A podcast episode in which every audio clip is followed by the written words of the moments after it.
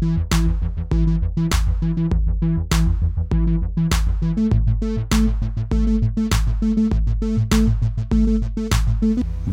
till Pappa Chef-podden, podden om föräldraskap och ledarskap.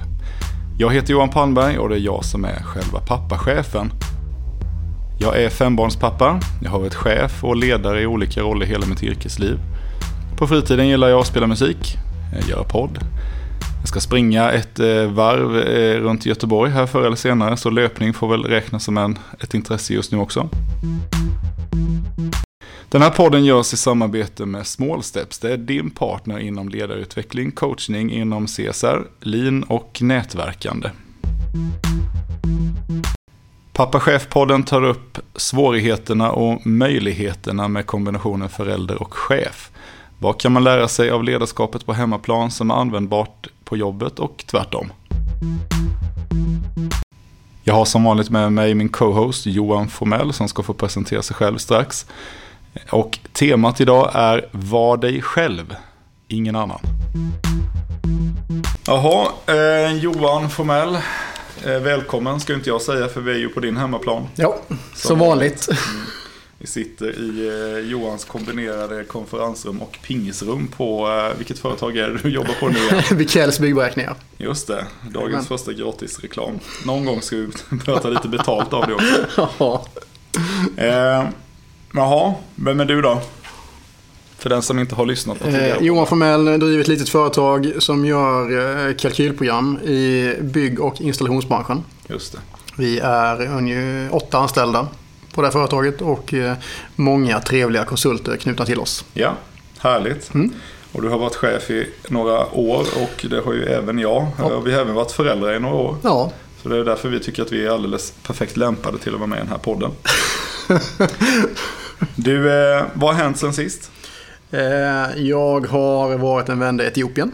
Just det, det är spännande. Det måste vi få höra lite grann om. Vem träffade du där till exempel? Eh, jag fick ju förmånen att träffa en löparikon i form av Haile Gebrselassie. Just det. Kan återkomma till det lite senare i podden. Ja, jag. spännande. Mm, mm. Eh, Etiopien i övrigt, var det bara nöjesresa eller? Nej, absolut inte. Vi jobbar ju med att eh, försöka hjälpa barn och ungdomar att få den utbildningen de har rätt till. Mm. Och då sponsrar och hjälper vi till i eh, organisationer som eh, jobbar med detta. Och denna gången var Etiopien tillsammans med Erikshjälpen. Ja, Erikshjälpen kan man väl verkligen rekommendera. Absolut. Det behöver inte ens göra som eh, gratis reklam. Nej, det var ett fantastiskt arbete för se och där man får se hur viktigt rent vatten och utbildning är för att få ett förändrat samhälle och en bättre jämställdhet. Jag mm. tycker det var fantastiska projekt. Häftigt. Mm. Ja, jag själv då har inte varit lika så filantropisk som du och varit ute och gjort världen bättre. Jag har varit på skidsemester. Eh, jag har spenderat en vecka åt att stå i jägarställning med eh, en tvååring åkandes mellan mina skidor. Eh, så nu är det skönt att pausa låren lite grann. Det har varit en kämpig återgång till vardagen efter detta. Men det var härligt att få se lite vinter. Absolut. Ja, så är det. Du, förra programmet så pratade vi om förändringsledning. Mm.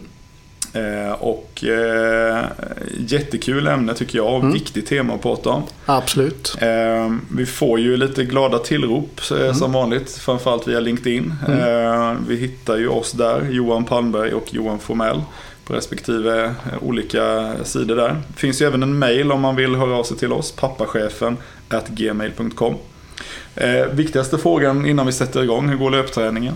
Eh, det går inte alls bra faktiskt. Nej. Trots ett möte med Haile Gebrselassie. Ja, det är obegripligt att du ja, inte blir inspirerad. det går inte bra. Men det är väl dags att sätta igång här nu tror jag. Mm. Ja, eh, det, faktiskt. det är väl så. Jag ska faktiskt ta en, en tur när jag kommer hem ikväll. Mm. Om vi blir mm. färdiga någon gång. Så är det. Hörru, dagens avsnitt. Jo. Vi tänkte vi skulle ha temat Var dig själv. Mm.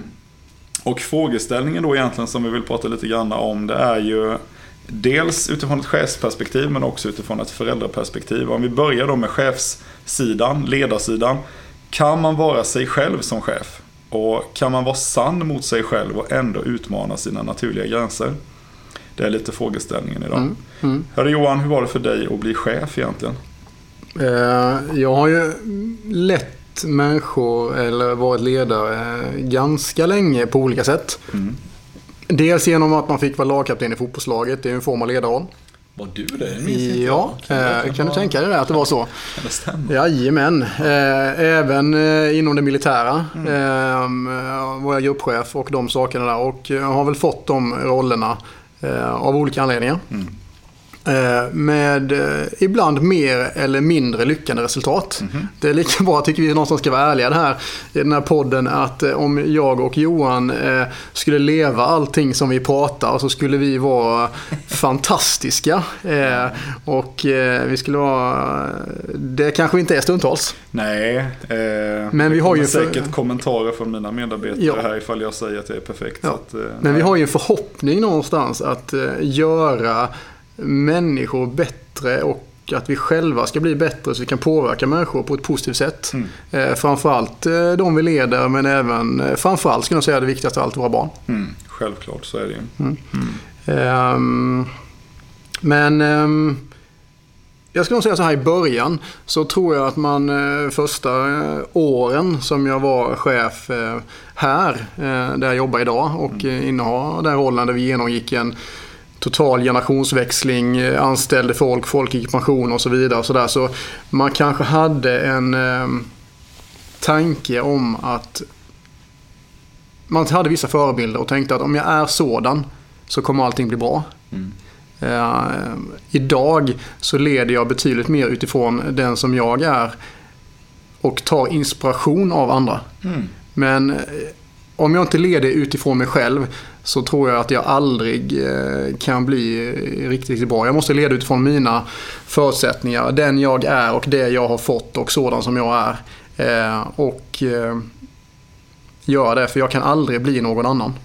Nej, och det där är en viktig poäng som du tar upp. Att det är klart att man kan inspireras av andra ledare. Och det pratar vi ju, har vi gjort i de tidigare avsnitten ja. också om hur viktigt det är att låta sig inspireras av mm. andra. Mm. Läsa böcker, lyssna mm. på ledarskapspoddar och så vidare. Men någonstans så tror jag, precis som du säger, att man ändå landar i att man, eh, man kanske blir eh, mer sig själv med åren då. Mm. Eh, lite som du är inne på där.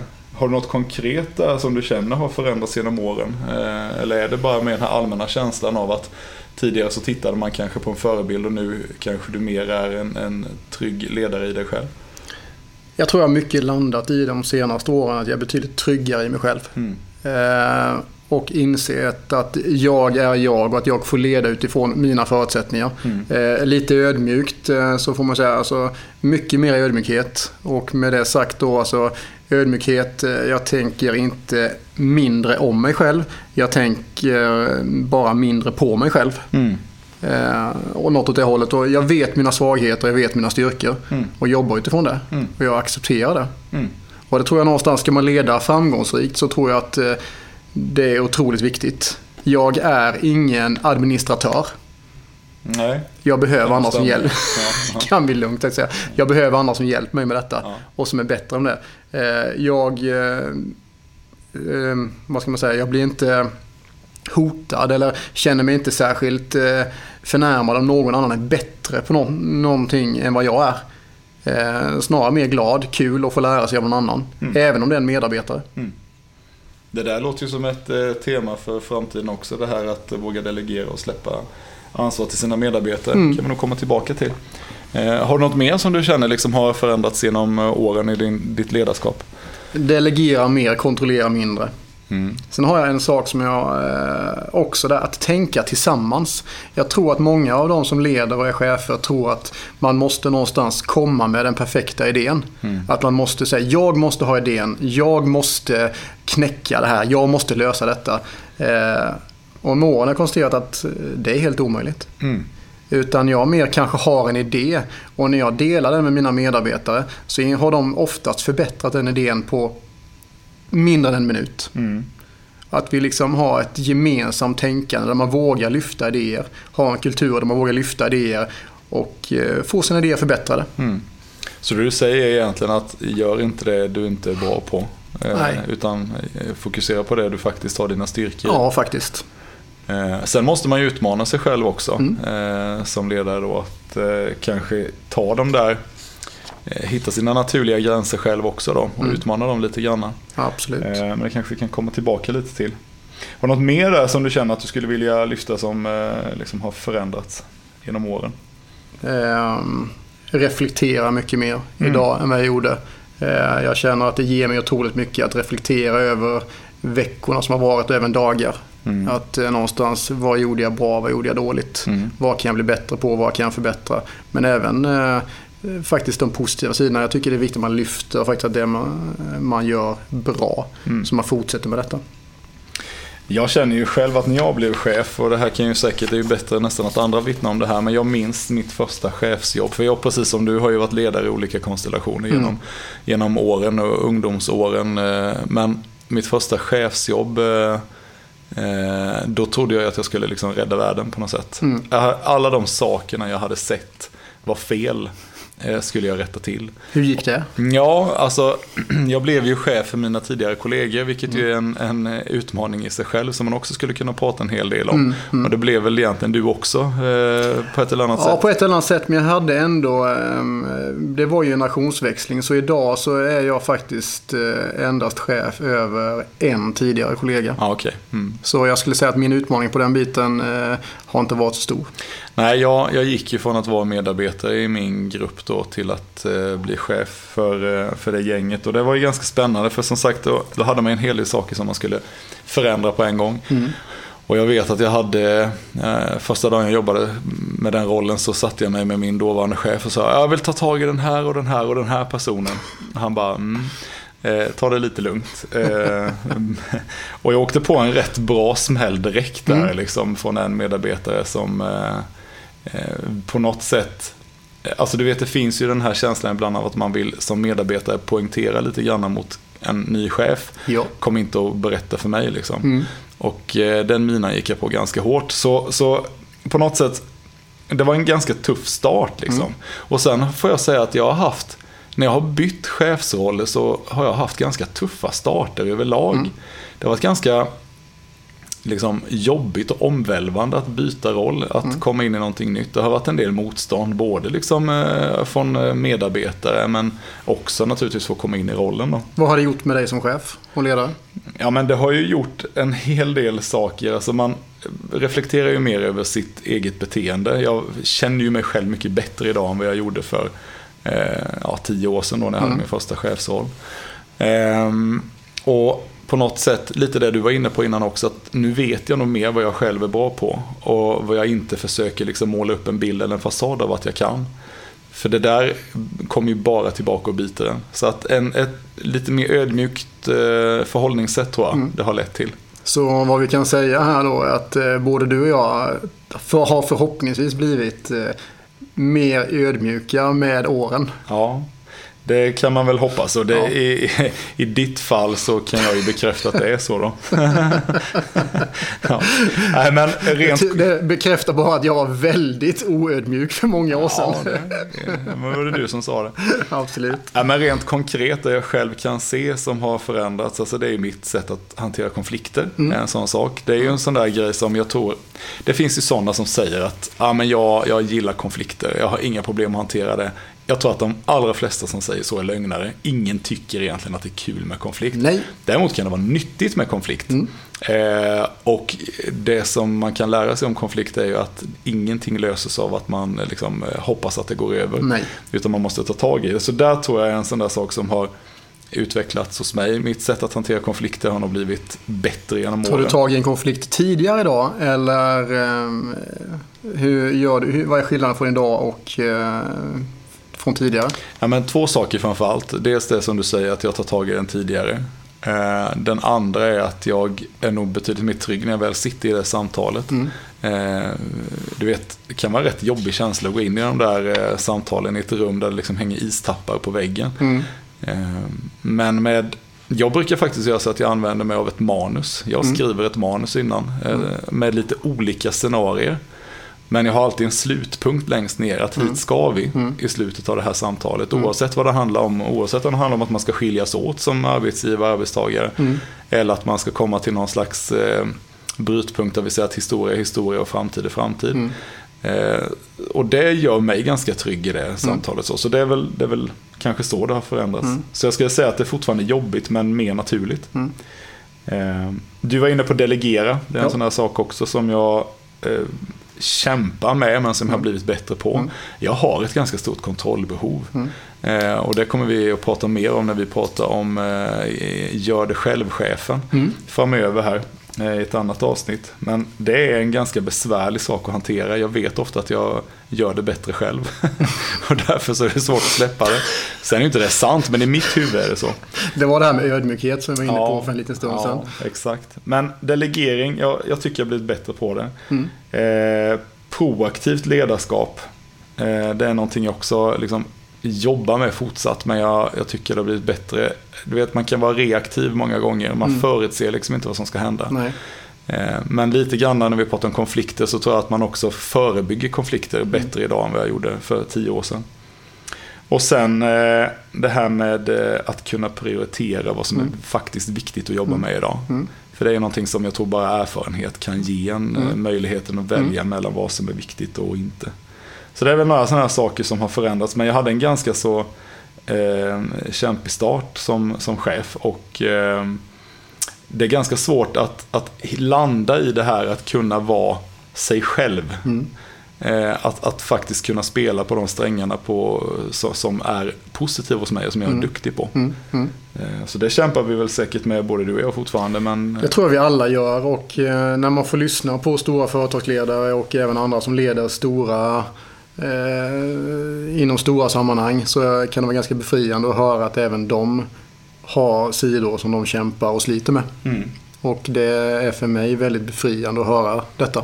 verkligen, för det är ju ingen som kommer undan detta. Nej, men vi har en önskan och ett mål om att när vi leder andra människor, förhoppningsvis så har de flesta det i alla fall, att de ska bli bättre. Mm. De som är runt omkring oss. Mm. Och har man det målet så eh, då, eh, det är ett bra mål att ha. Mm. Ehm, jag funderar lite på hur får man med sina positiva egenskaper då in i sitt ledarskap och hur slipar man bort de dåliga? Har du några tankar runt det?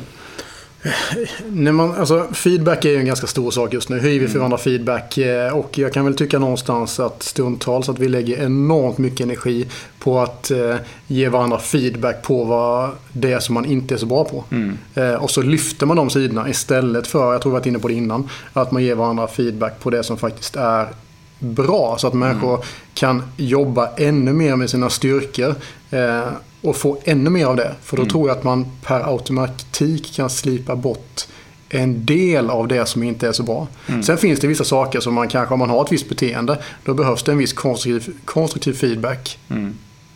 och jobba med detta. Men den stora delen av feedback tycker jag ändå ska vara eh, positiv feedback där vi lyfter våra styrkor Mm. och någonstans försöka få människor att jobba ännu mer med det som är bra på. Mm. Eh, för att det är när vi jobbar med det som vi inte är bra på, det är kanske då också även vissa dåliga sidor kommer fram. Mm. Jag faktiskt, eh, jag gillar det här med nycklar eh, som vi, som vi har pratat om Mm. i tidigare avsnitt med. Vilka nycklar kan finnas då? Jag har bara spaltat upp några i mitt huvud och det är lite som du är inne på här också då. Jag kallar det i den här punkten för mentorskap. Ja. Att låta sig själv speglas i någon som Mm. kan berätta hur man är. Mm. Jag tror att det är ganska viktigt. Eh, Har man inte en mentor eller någon eh, liksom förtroende utvald eh, Som som man med. kan ha de här samtalen Mm, med. Så tror jag att det, det är svårare att se sina egna brister och, Mm. och styrkor. Jag skickade faktiskt ut en, en liten undersökning till ett antal personer för ett tag sedan. Mm. Eh, Och är det någon som är intresserad av att få de här frågorna att skicka ut så kan ni mejla till oss så ska ni få det. Mm. Eh, Och eh, det gav mig väldigt mycket. Både positiv och konstruktiv feedback. Mm. Eh, Där de svarade är öppet och ärligt. Jag skrev att jag kommer inte, det påverkar inte vår relation utan eh, svara ärligt för jag vill ha svaren för att jag vill bli bättre på vissa Mm. saker. Och eh, det var, det var väldigt nyttigt. Mm. Även om vissa saker var tufft att läsa. Mm. Ja men absolut. Så det tror jag är en, en jättenyttig sak att kunna göra. Att Mm. eh, på något sätt låta sig själv speglas i eh, andra runt omkring en. Sen tror jag att man eh, också kan jobba med att sätta upp personliga mål för sig själv. Vad, vad vill jag uppnå? Hur, hur vill jag efter det här året eh, Mm. liksom, eh, ha förändrats Mm. i mitt ledarskap? Eh, jobbar du på något sätt så att du sätter upp personliga mål? Ja, Jag gör ju det. Jag har ju det här som vi pratade om innan. Det här att eh, det jag jobbar utifrån efter detta året är att eh, jag vill göra människor bättre, inte mer glada. Mm. Och det handlar ju om att jag tycker det är så roligt att göra människor mer glada men kanske fattar ett beslut som gör dem som kanske gör dem glada för stunden men som inte är till nytta ur det långa perspektivet. Mm. Bill Gates har citerat eller citerat, jag citerar, just, har sagt en grej här att, att de flesta människor överskattar vad de hinner med på ett år men underskattar vad de hinner med på tio år. Mm. Eh, och någonstans om vi jobbar med oss själva kanske, det kommer inte hända så mycket tror jag inte under det första året. Men om vi sätter mål för oss själva under en tioårsperiod, under detta år ska jag jobba med det här, under nästa år ska jag jobba med detta. Eh, så tror jag att man är en helt annan människa efter tio år. Mm. Där man har vågat jobba med sig själv, ta tag i saker eh, som man kanske behöver jobba med för att bli bättre. Mm. Hur många har läst böcker? Hur många utvecklar sig själv egentligen efter att de är färdiga med en universitetsutbildning eller vanliga skolan? Mm. Nej, det nog, ligger nog väldigt mycket i det. Mm. Och jag tror, eh, precis som du är inne på, att personliga mål mm. bör man sätta upp. Sen om de är uppsatta på ettårsbasis eller en mm. veckas basis eller tioårsbasis. Mm. tror jag finns olika för olika. Men det är intressant eh, inspelad från Bill Gates. Mm. Det som är eh. intressant också är att alltså, när man pratar med människor, de önskar nå målen men de vill inte göra arbetet. Nej. Eh, och man någonstans ser vad andra har men man vet inte vad de har gjort för att komma dit. Mm. Och man glömmer någonstans ibland kan jag tycka att eh, det går liksom inte växa eh, och förbli samma person. Mm. Det ena utesluter det andra. Vi måste ta steg framåt och jag kommer inte vara samma person eh, om fem år eller tio år. Om jag nu vill påbörja den här resan. Så när man säger att eh, vara dig själv så innebär det också att du måste vara beredd på att den där vem du är kommer förändras längs resan? Det tror jag är ett måste mm. om man ska fortsätta leda människor. Mm. Man kan inte följa någon som står still. Precis, nej det, det är ju helt riktigt. Ehm, jag har satt upp ett, eh, en, en nyckel till här då. Förbereda sig inför det man tycker är svårt. Mm. Jag tycker att, ehm, det var lite det jag var inne på, att i mitt fall om jag, om jag sätter min konflikthantering så vill jag gärna ha ett manus som jag med lite olika scenarier som kanske inte nödvändigtvis tittar på men som har skapat en trygghet i mm. att jag har någonting att hålla mig i, en liten mm. snuttefilt liksom. Mm. Och det gör ju också att, att det kanske är lättare för mig att, att vara lugn och att faktiskt mm. vara med mig själv. För det är ganska viktigt i en sån situation att, att man är mm. mänsklig också. Absolut. Eh, samtidigt som man behöver vara tydlig och rak.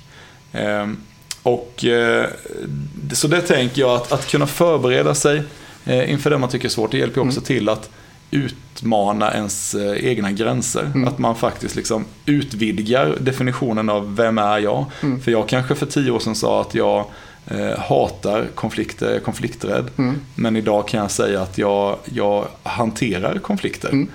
Eh, som ett exempel då. Mm. Eh, så att man utmanar sina egna begränsningar där. Man kan väl säga så här, i ditt fall så eh, jag har lite citat som följer mig lite till, till och från när jag tycker saker och ting är jobbigt.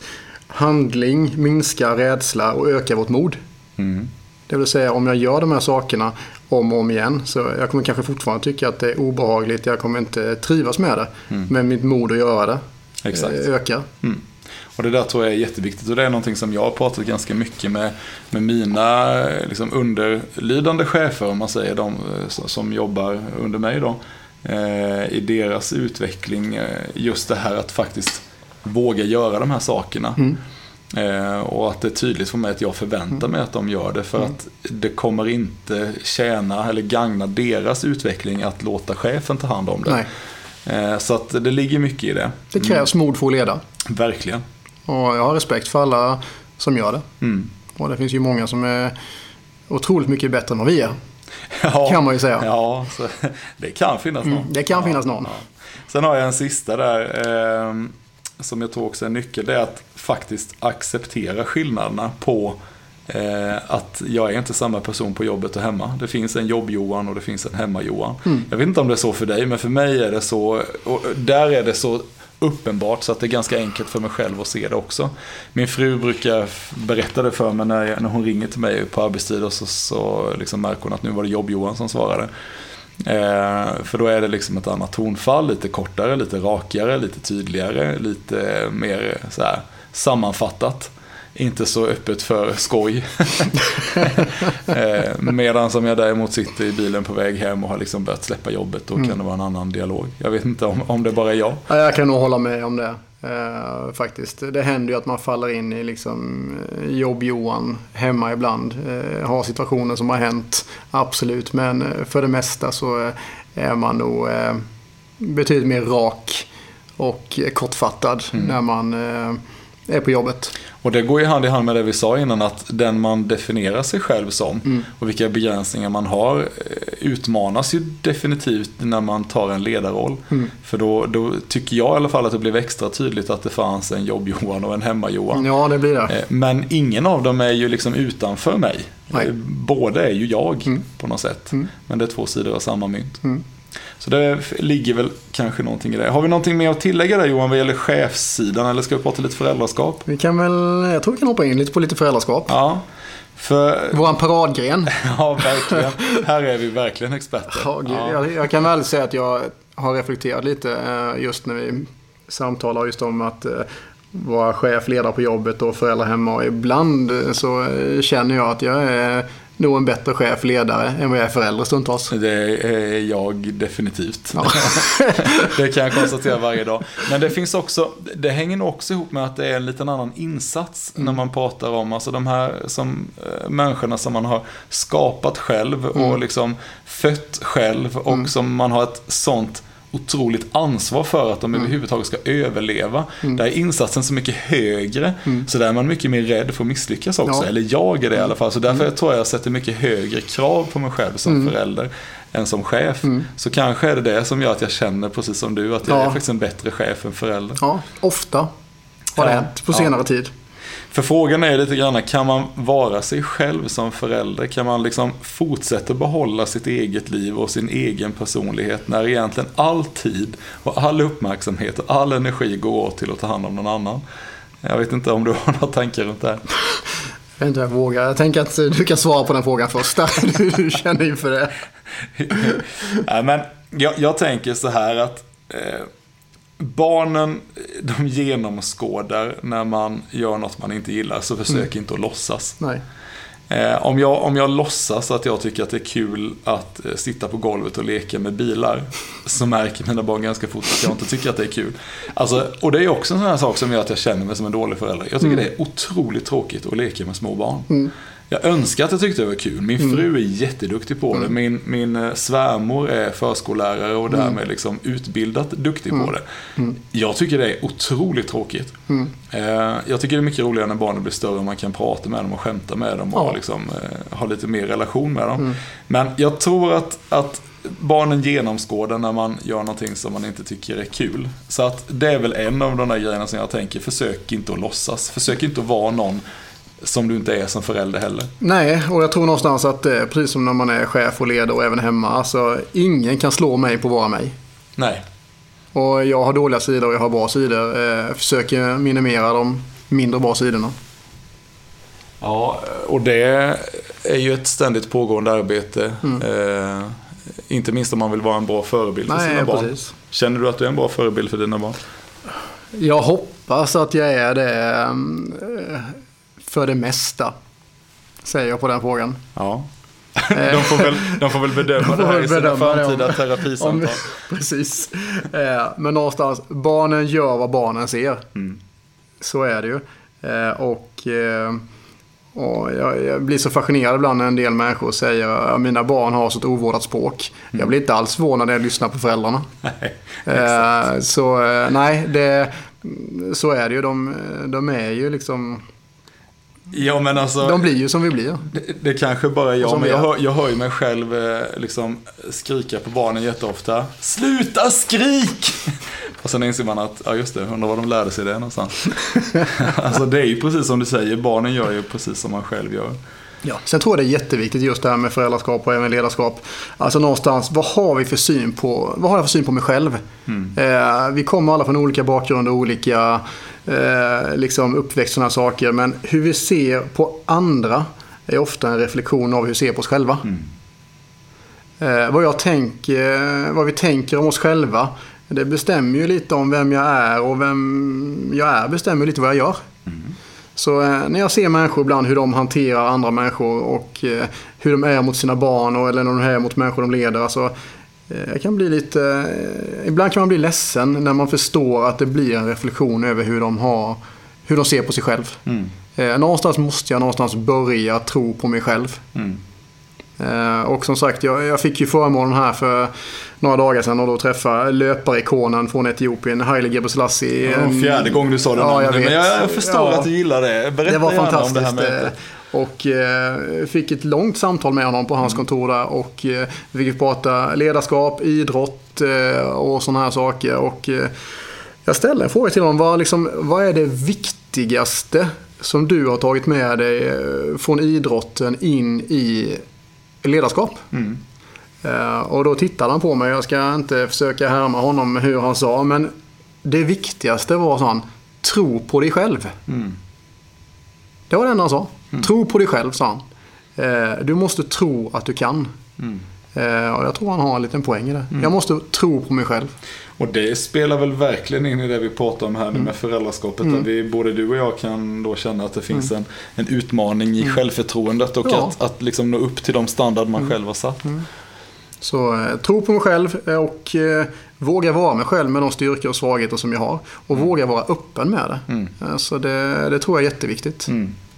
Jag tänker att det är ju en sån där punkt också där att kunna på något sätt acceptera att livet är annorlunda nu. Ja. Som förälder. Ja, När man blev förälder så blev ju livet annorlunda. Mm. Sänk ribban. Ja. För det på något sätt gör ju att, eh, att man kommer ner på det här eh, kanske mer hanterbara nivån i, i förväntan. Mm. Man sätter nog ganska stor press på sig själv som mm. förälder. Vilket kanske då ofta får ett bakslag, precis som du är inne på. Det speglar lite hur man själv mår när man står och skriker på sina barn till exempel. Mm. Jag tror det. Okej, spännande. Eh, har vi någonting att tillägga på föräldraskapssidan där tycker du? Nej, eh, inte alls. Jag tycker eh, det var väl ungefär det vi ville ha sagt, mm. tror jag. Då funderar, då funderar, jag lite på, har vi, något, eh, har vi någonting vi vill tipsa om den här veckan? Tipsa om? Eh, jag skulle nog säga att det är otroligt viktigt någonstans att eh, man kan inte leda andra om man själv står still. Nej. Man måste någonstans fylla på, om det är med böcker, seminarier, poddar. Men eh, hitta ett ställe där du någonstans får en möjlighet att växa och faktiskt eh, reflektera över saker och ting. Mm. Lära dig nya saker. Då tar jag ett veckans tips också då, lite på det temat. Jag eh, som, som medlem i en, i en fackförening som heter Ledarna, som inte är så mycket fackförening, men det är i alla fall en förening för oss ledare. Ja, skitsamma, där får man i alla fall en, eh, på, i medlemskostnad får man en eh, tidning som heter Chef. Mm. Jag vet inte om du har läst den någon gång? Jo. Eh, måste säga att jag tycker den tidningen är himla mm. bra. Det är återigen en, en obetald sponsring här nu då, men eh, bara, bara senaste eh, upp, eh, eller utgåvan här nu hade en liten blänkare om förändringsledning som vi pratade om förra mm, gången. Jag tyckte mm, den var jätteintressant. Mm. Mycket bra påfyllning där. Så är man inte medlem i ledarna så kan man ju bli det och få den eh, liksom, den vägen. Mm. Eller så kan man köpa den. Eh, men intressant och det är ett bra tips. Mm. Okej. Okay. Men du Johan, då känner jag att då håller vi där idag. Ja. Eh, tack för idag. Mm. Tack för idag. Hej. Hej. Är det så att du gillar det du hör, gå gärna in på LinkedIn. Du hittar mig, Johan Palmberg. Hitta också företaget Small Steps om du vill skriva någonting där. Så är du varmt välkommen. Till nästa gång, glöm inte, det är viktigt att hålla både som ledare och som förälder och det är möjligt.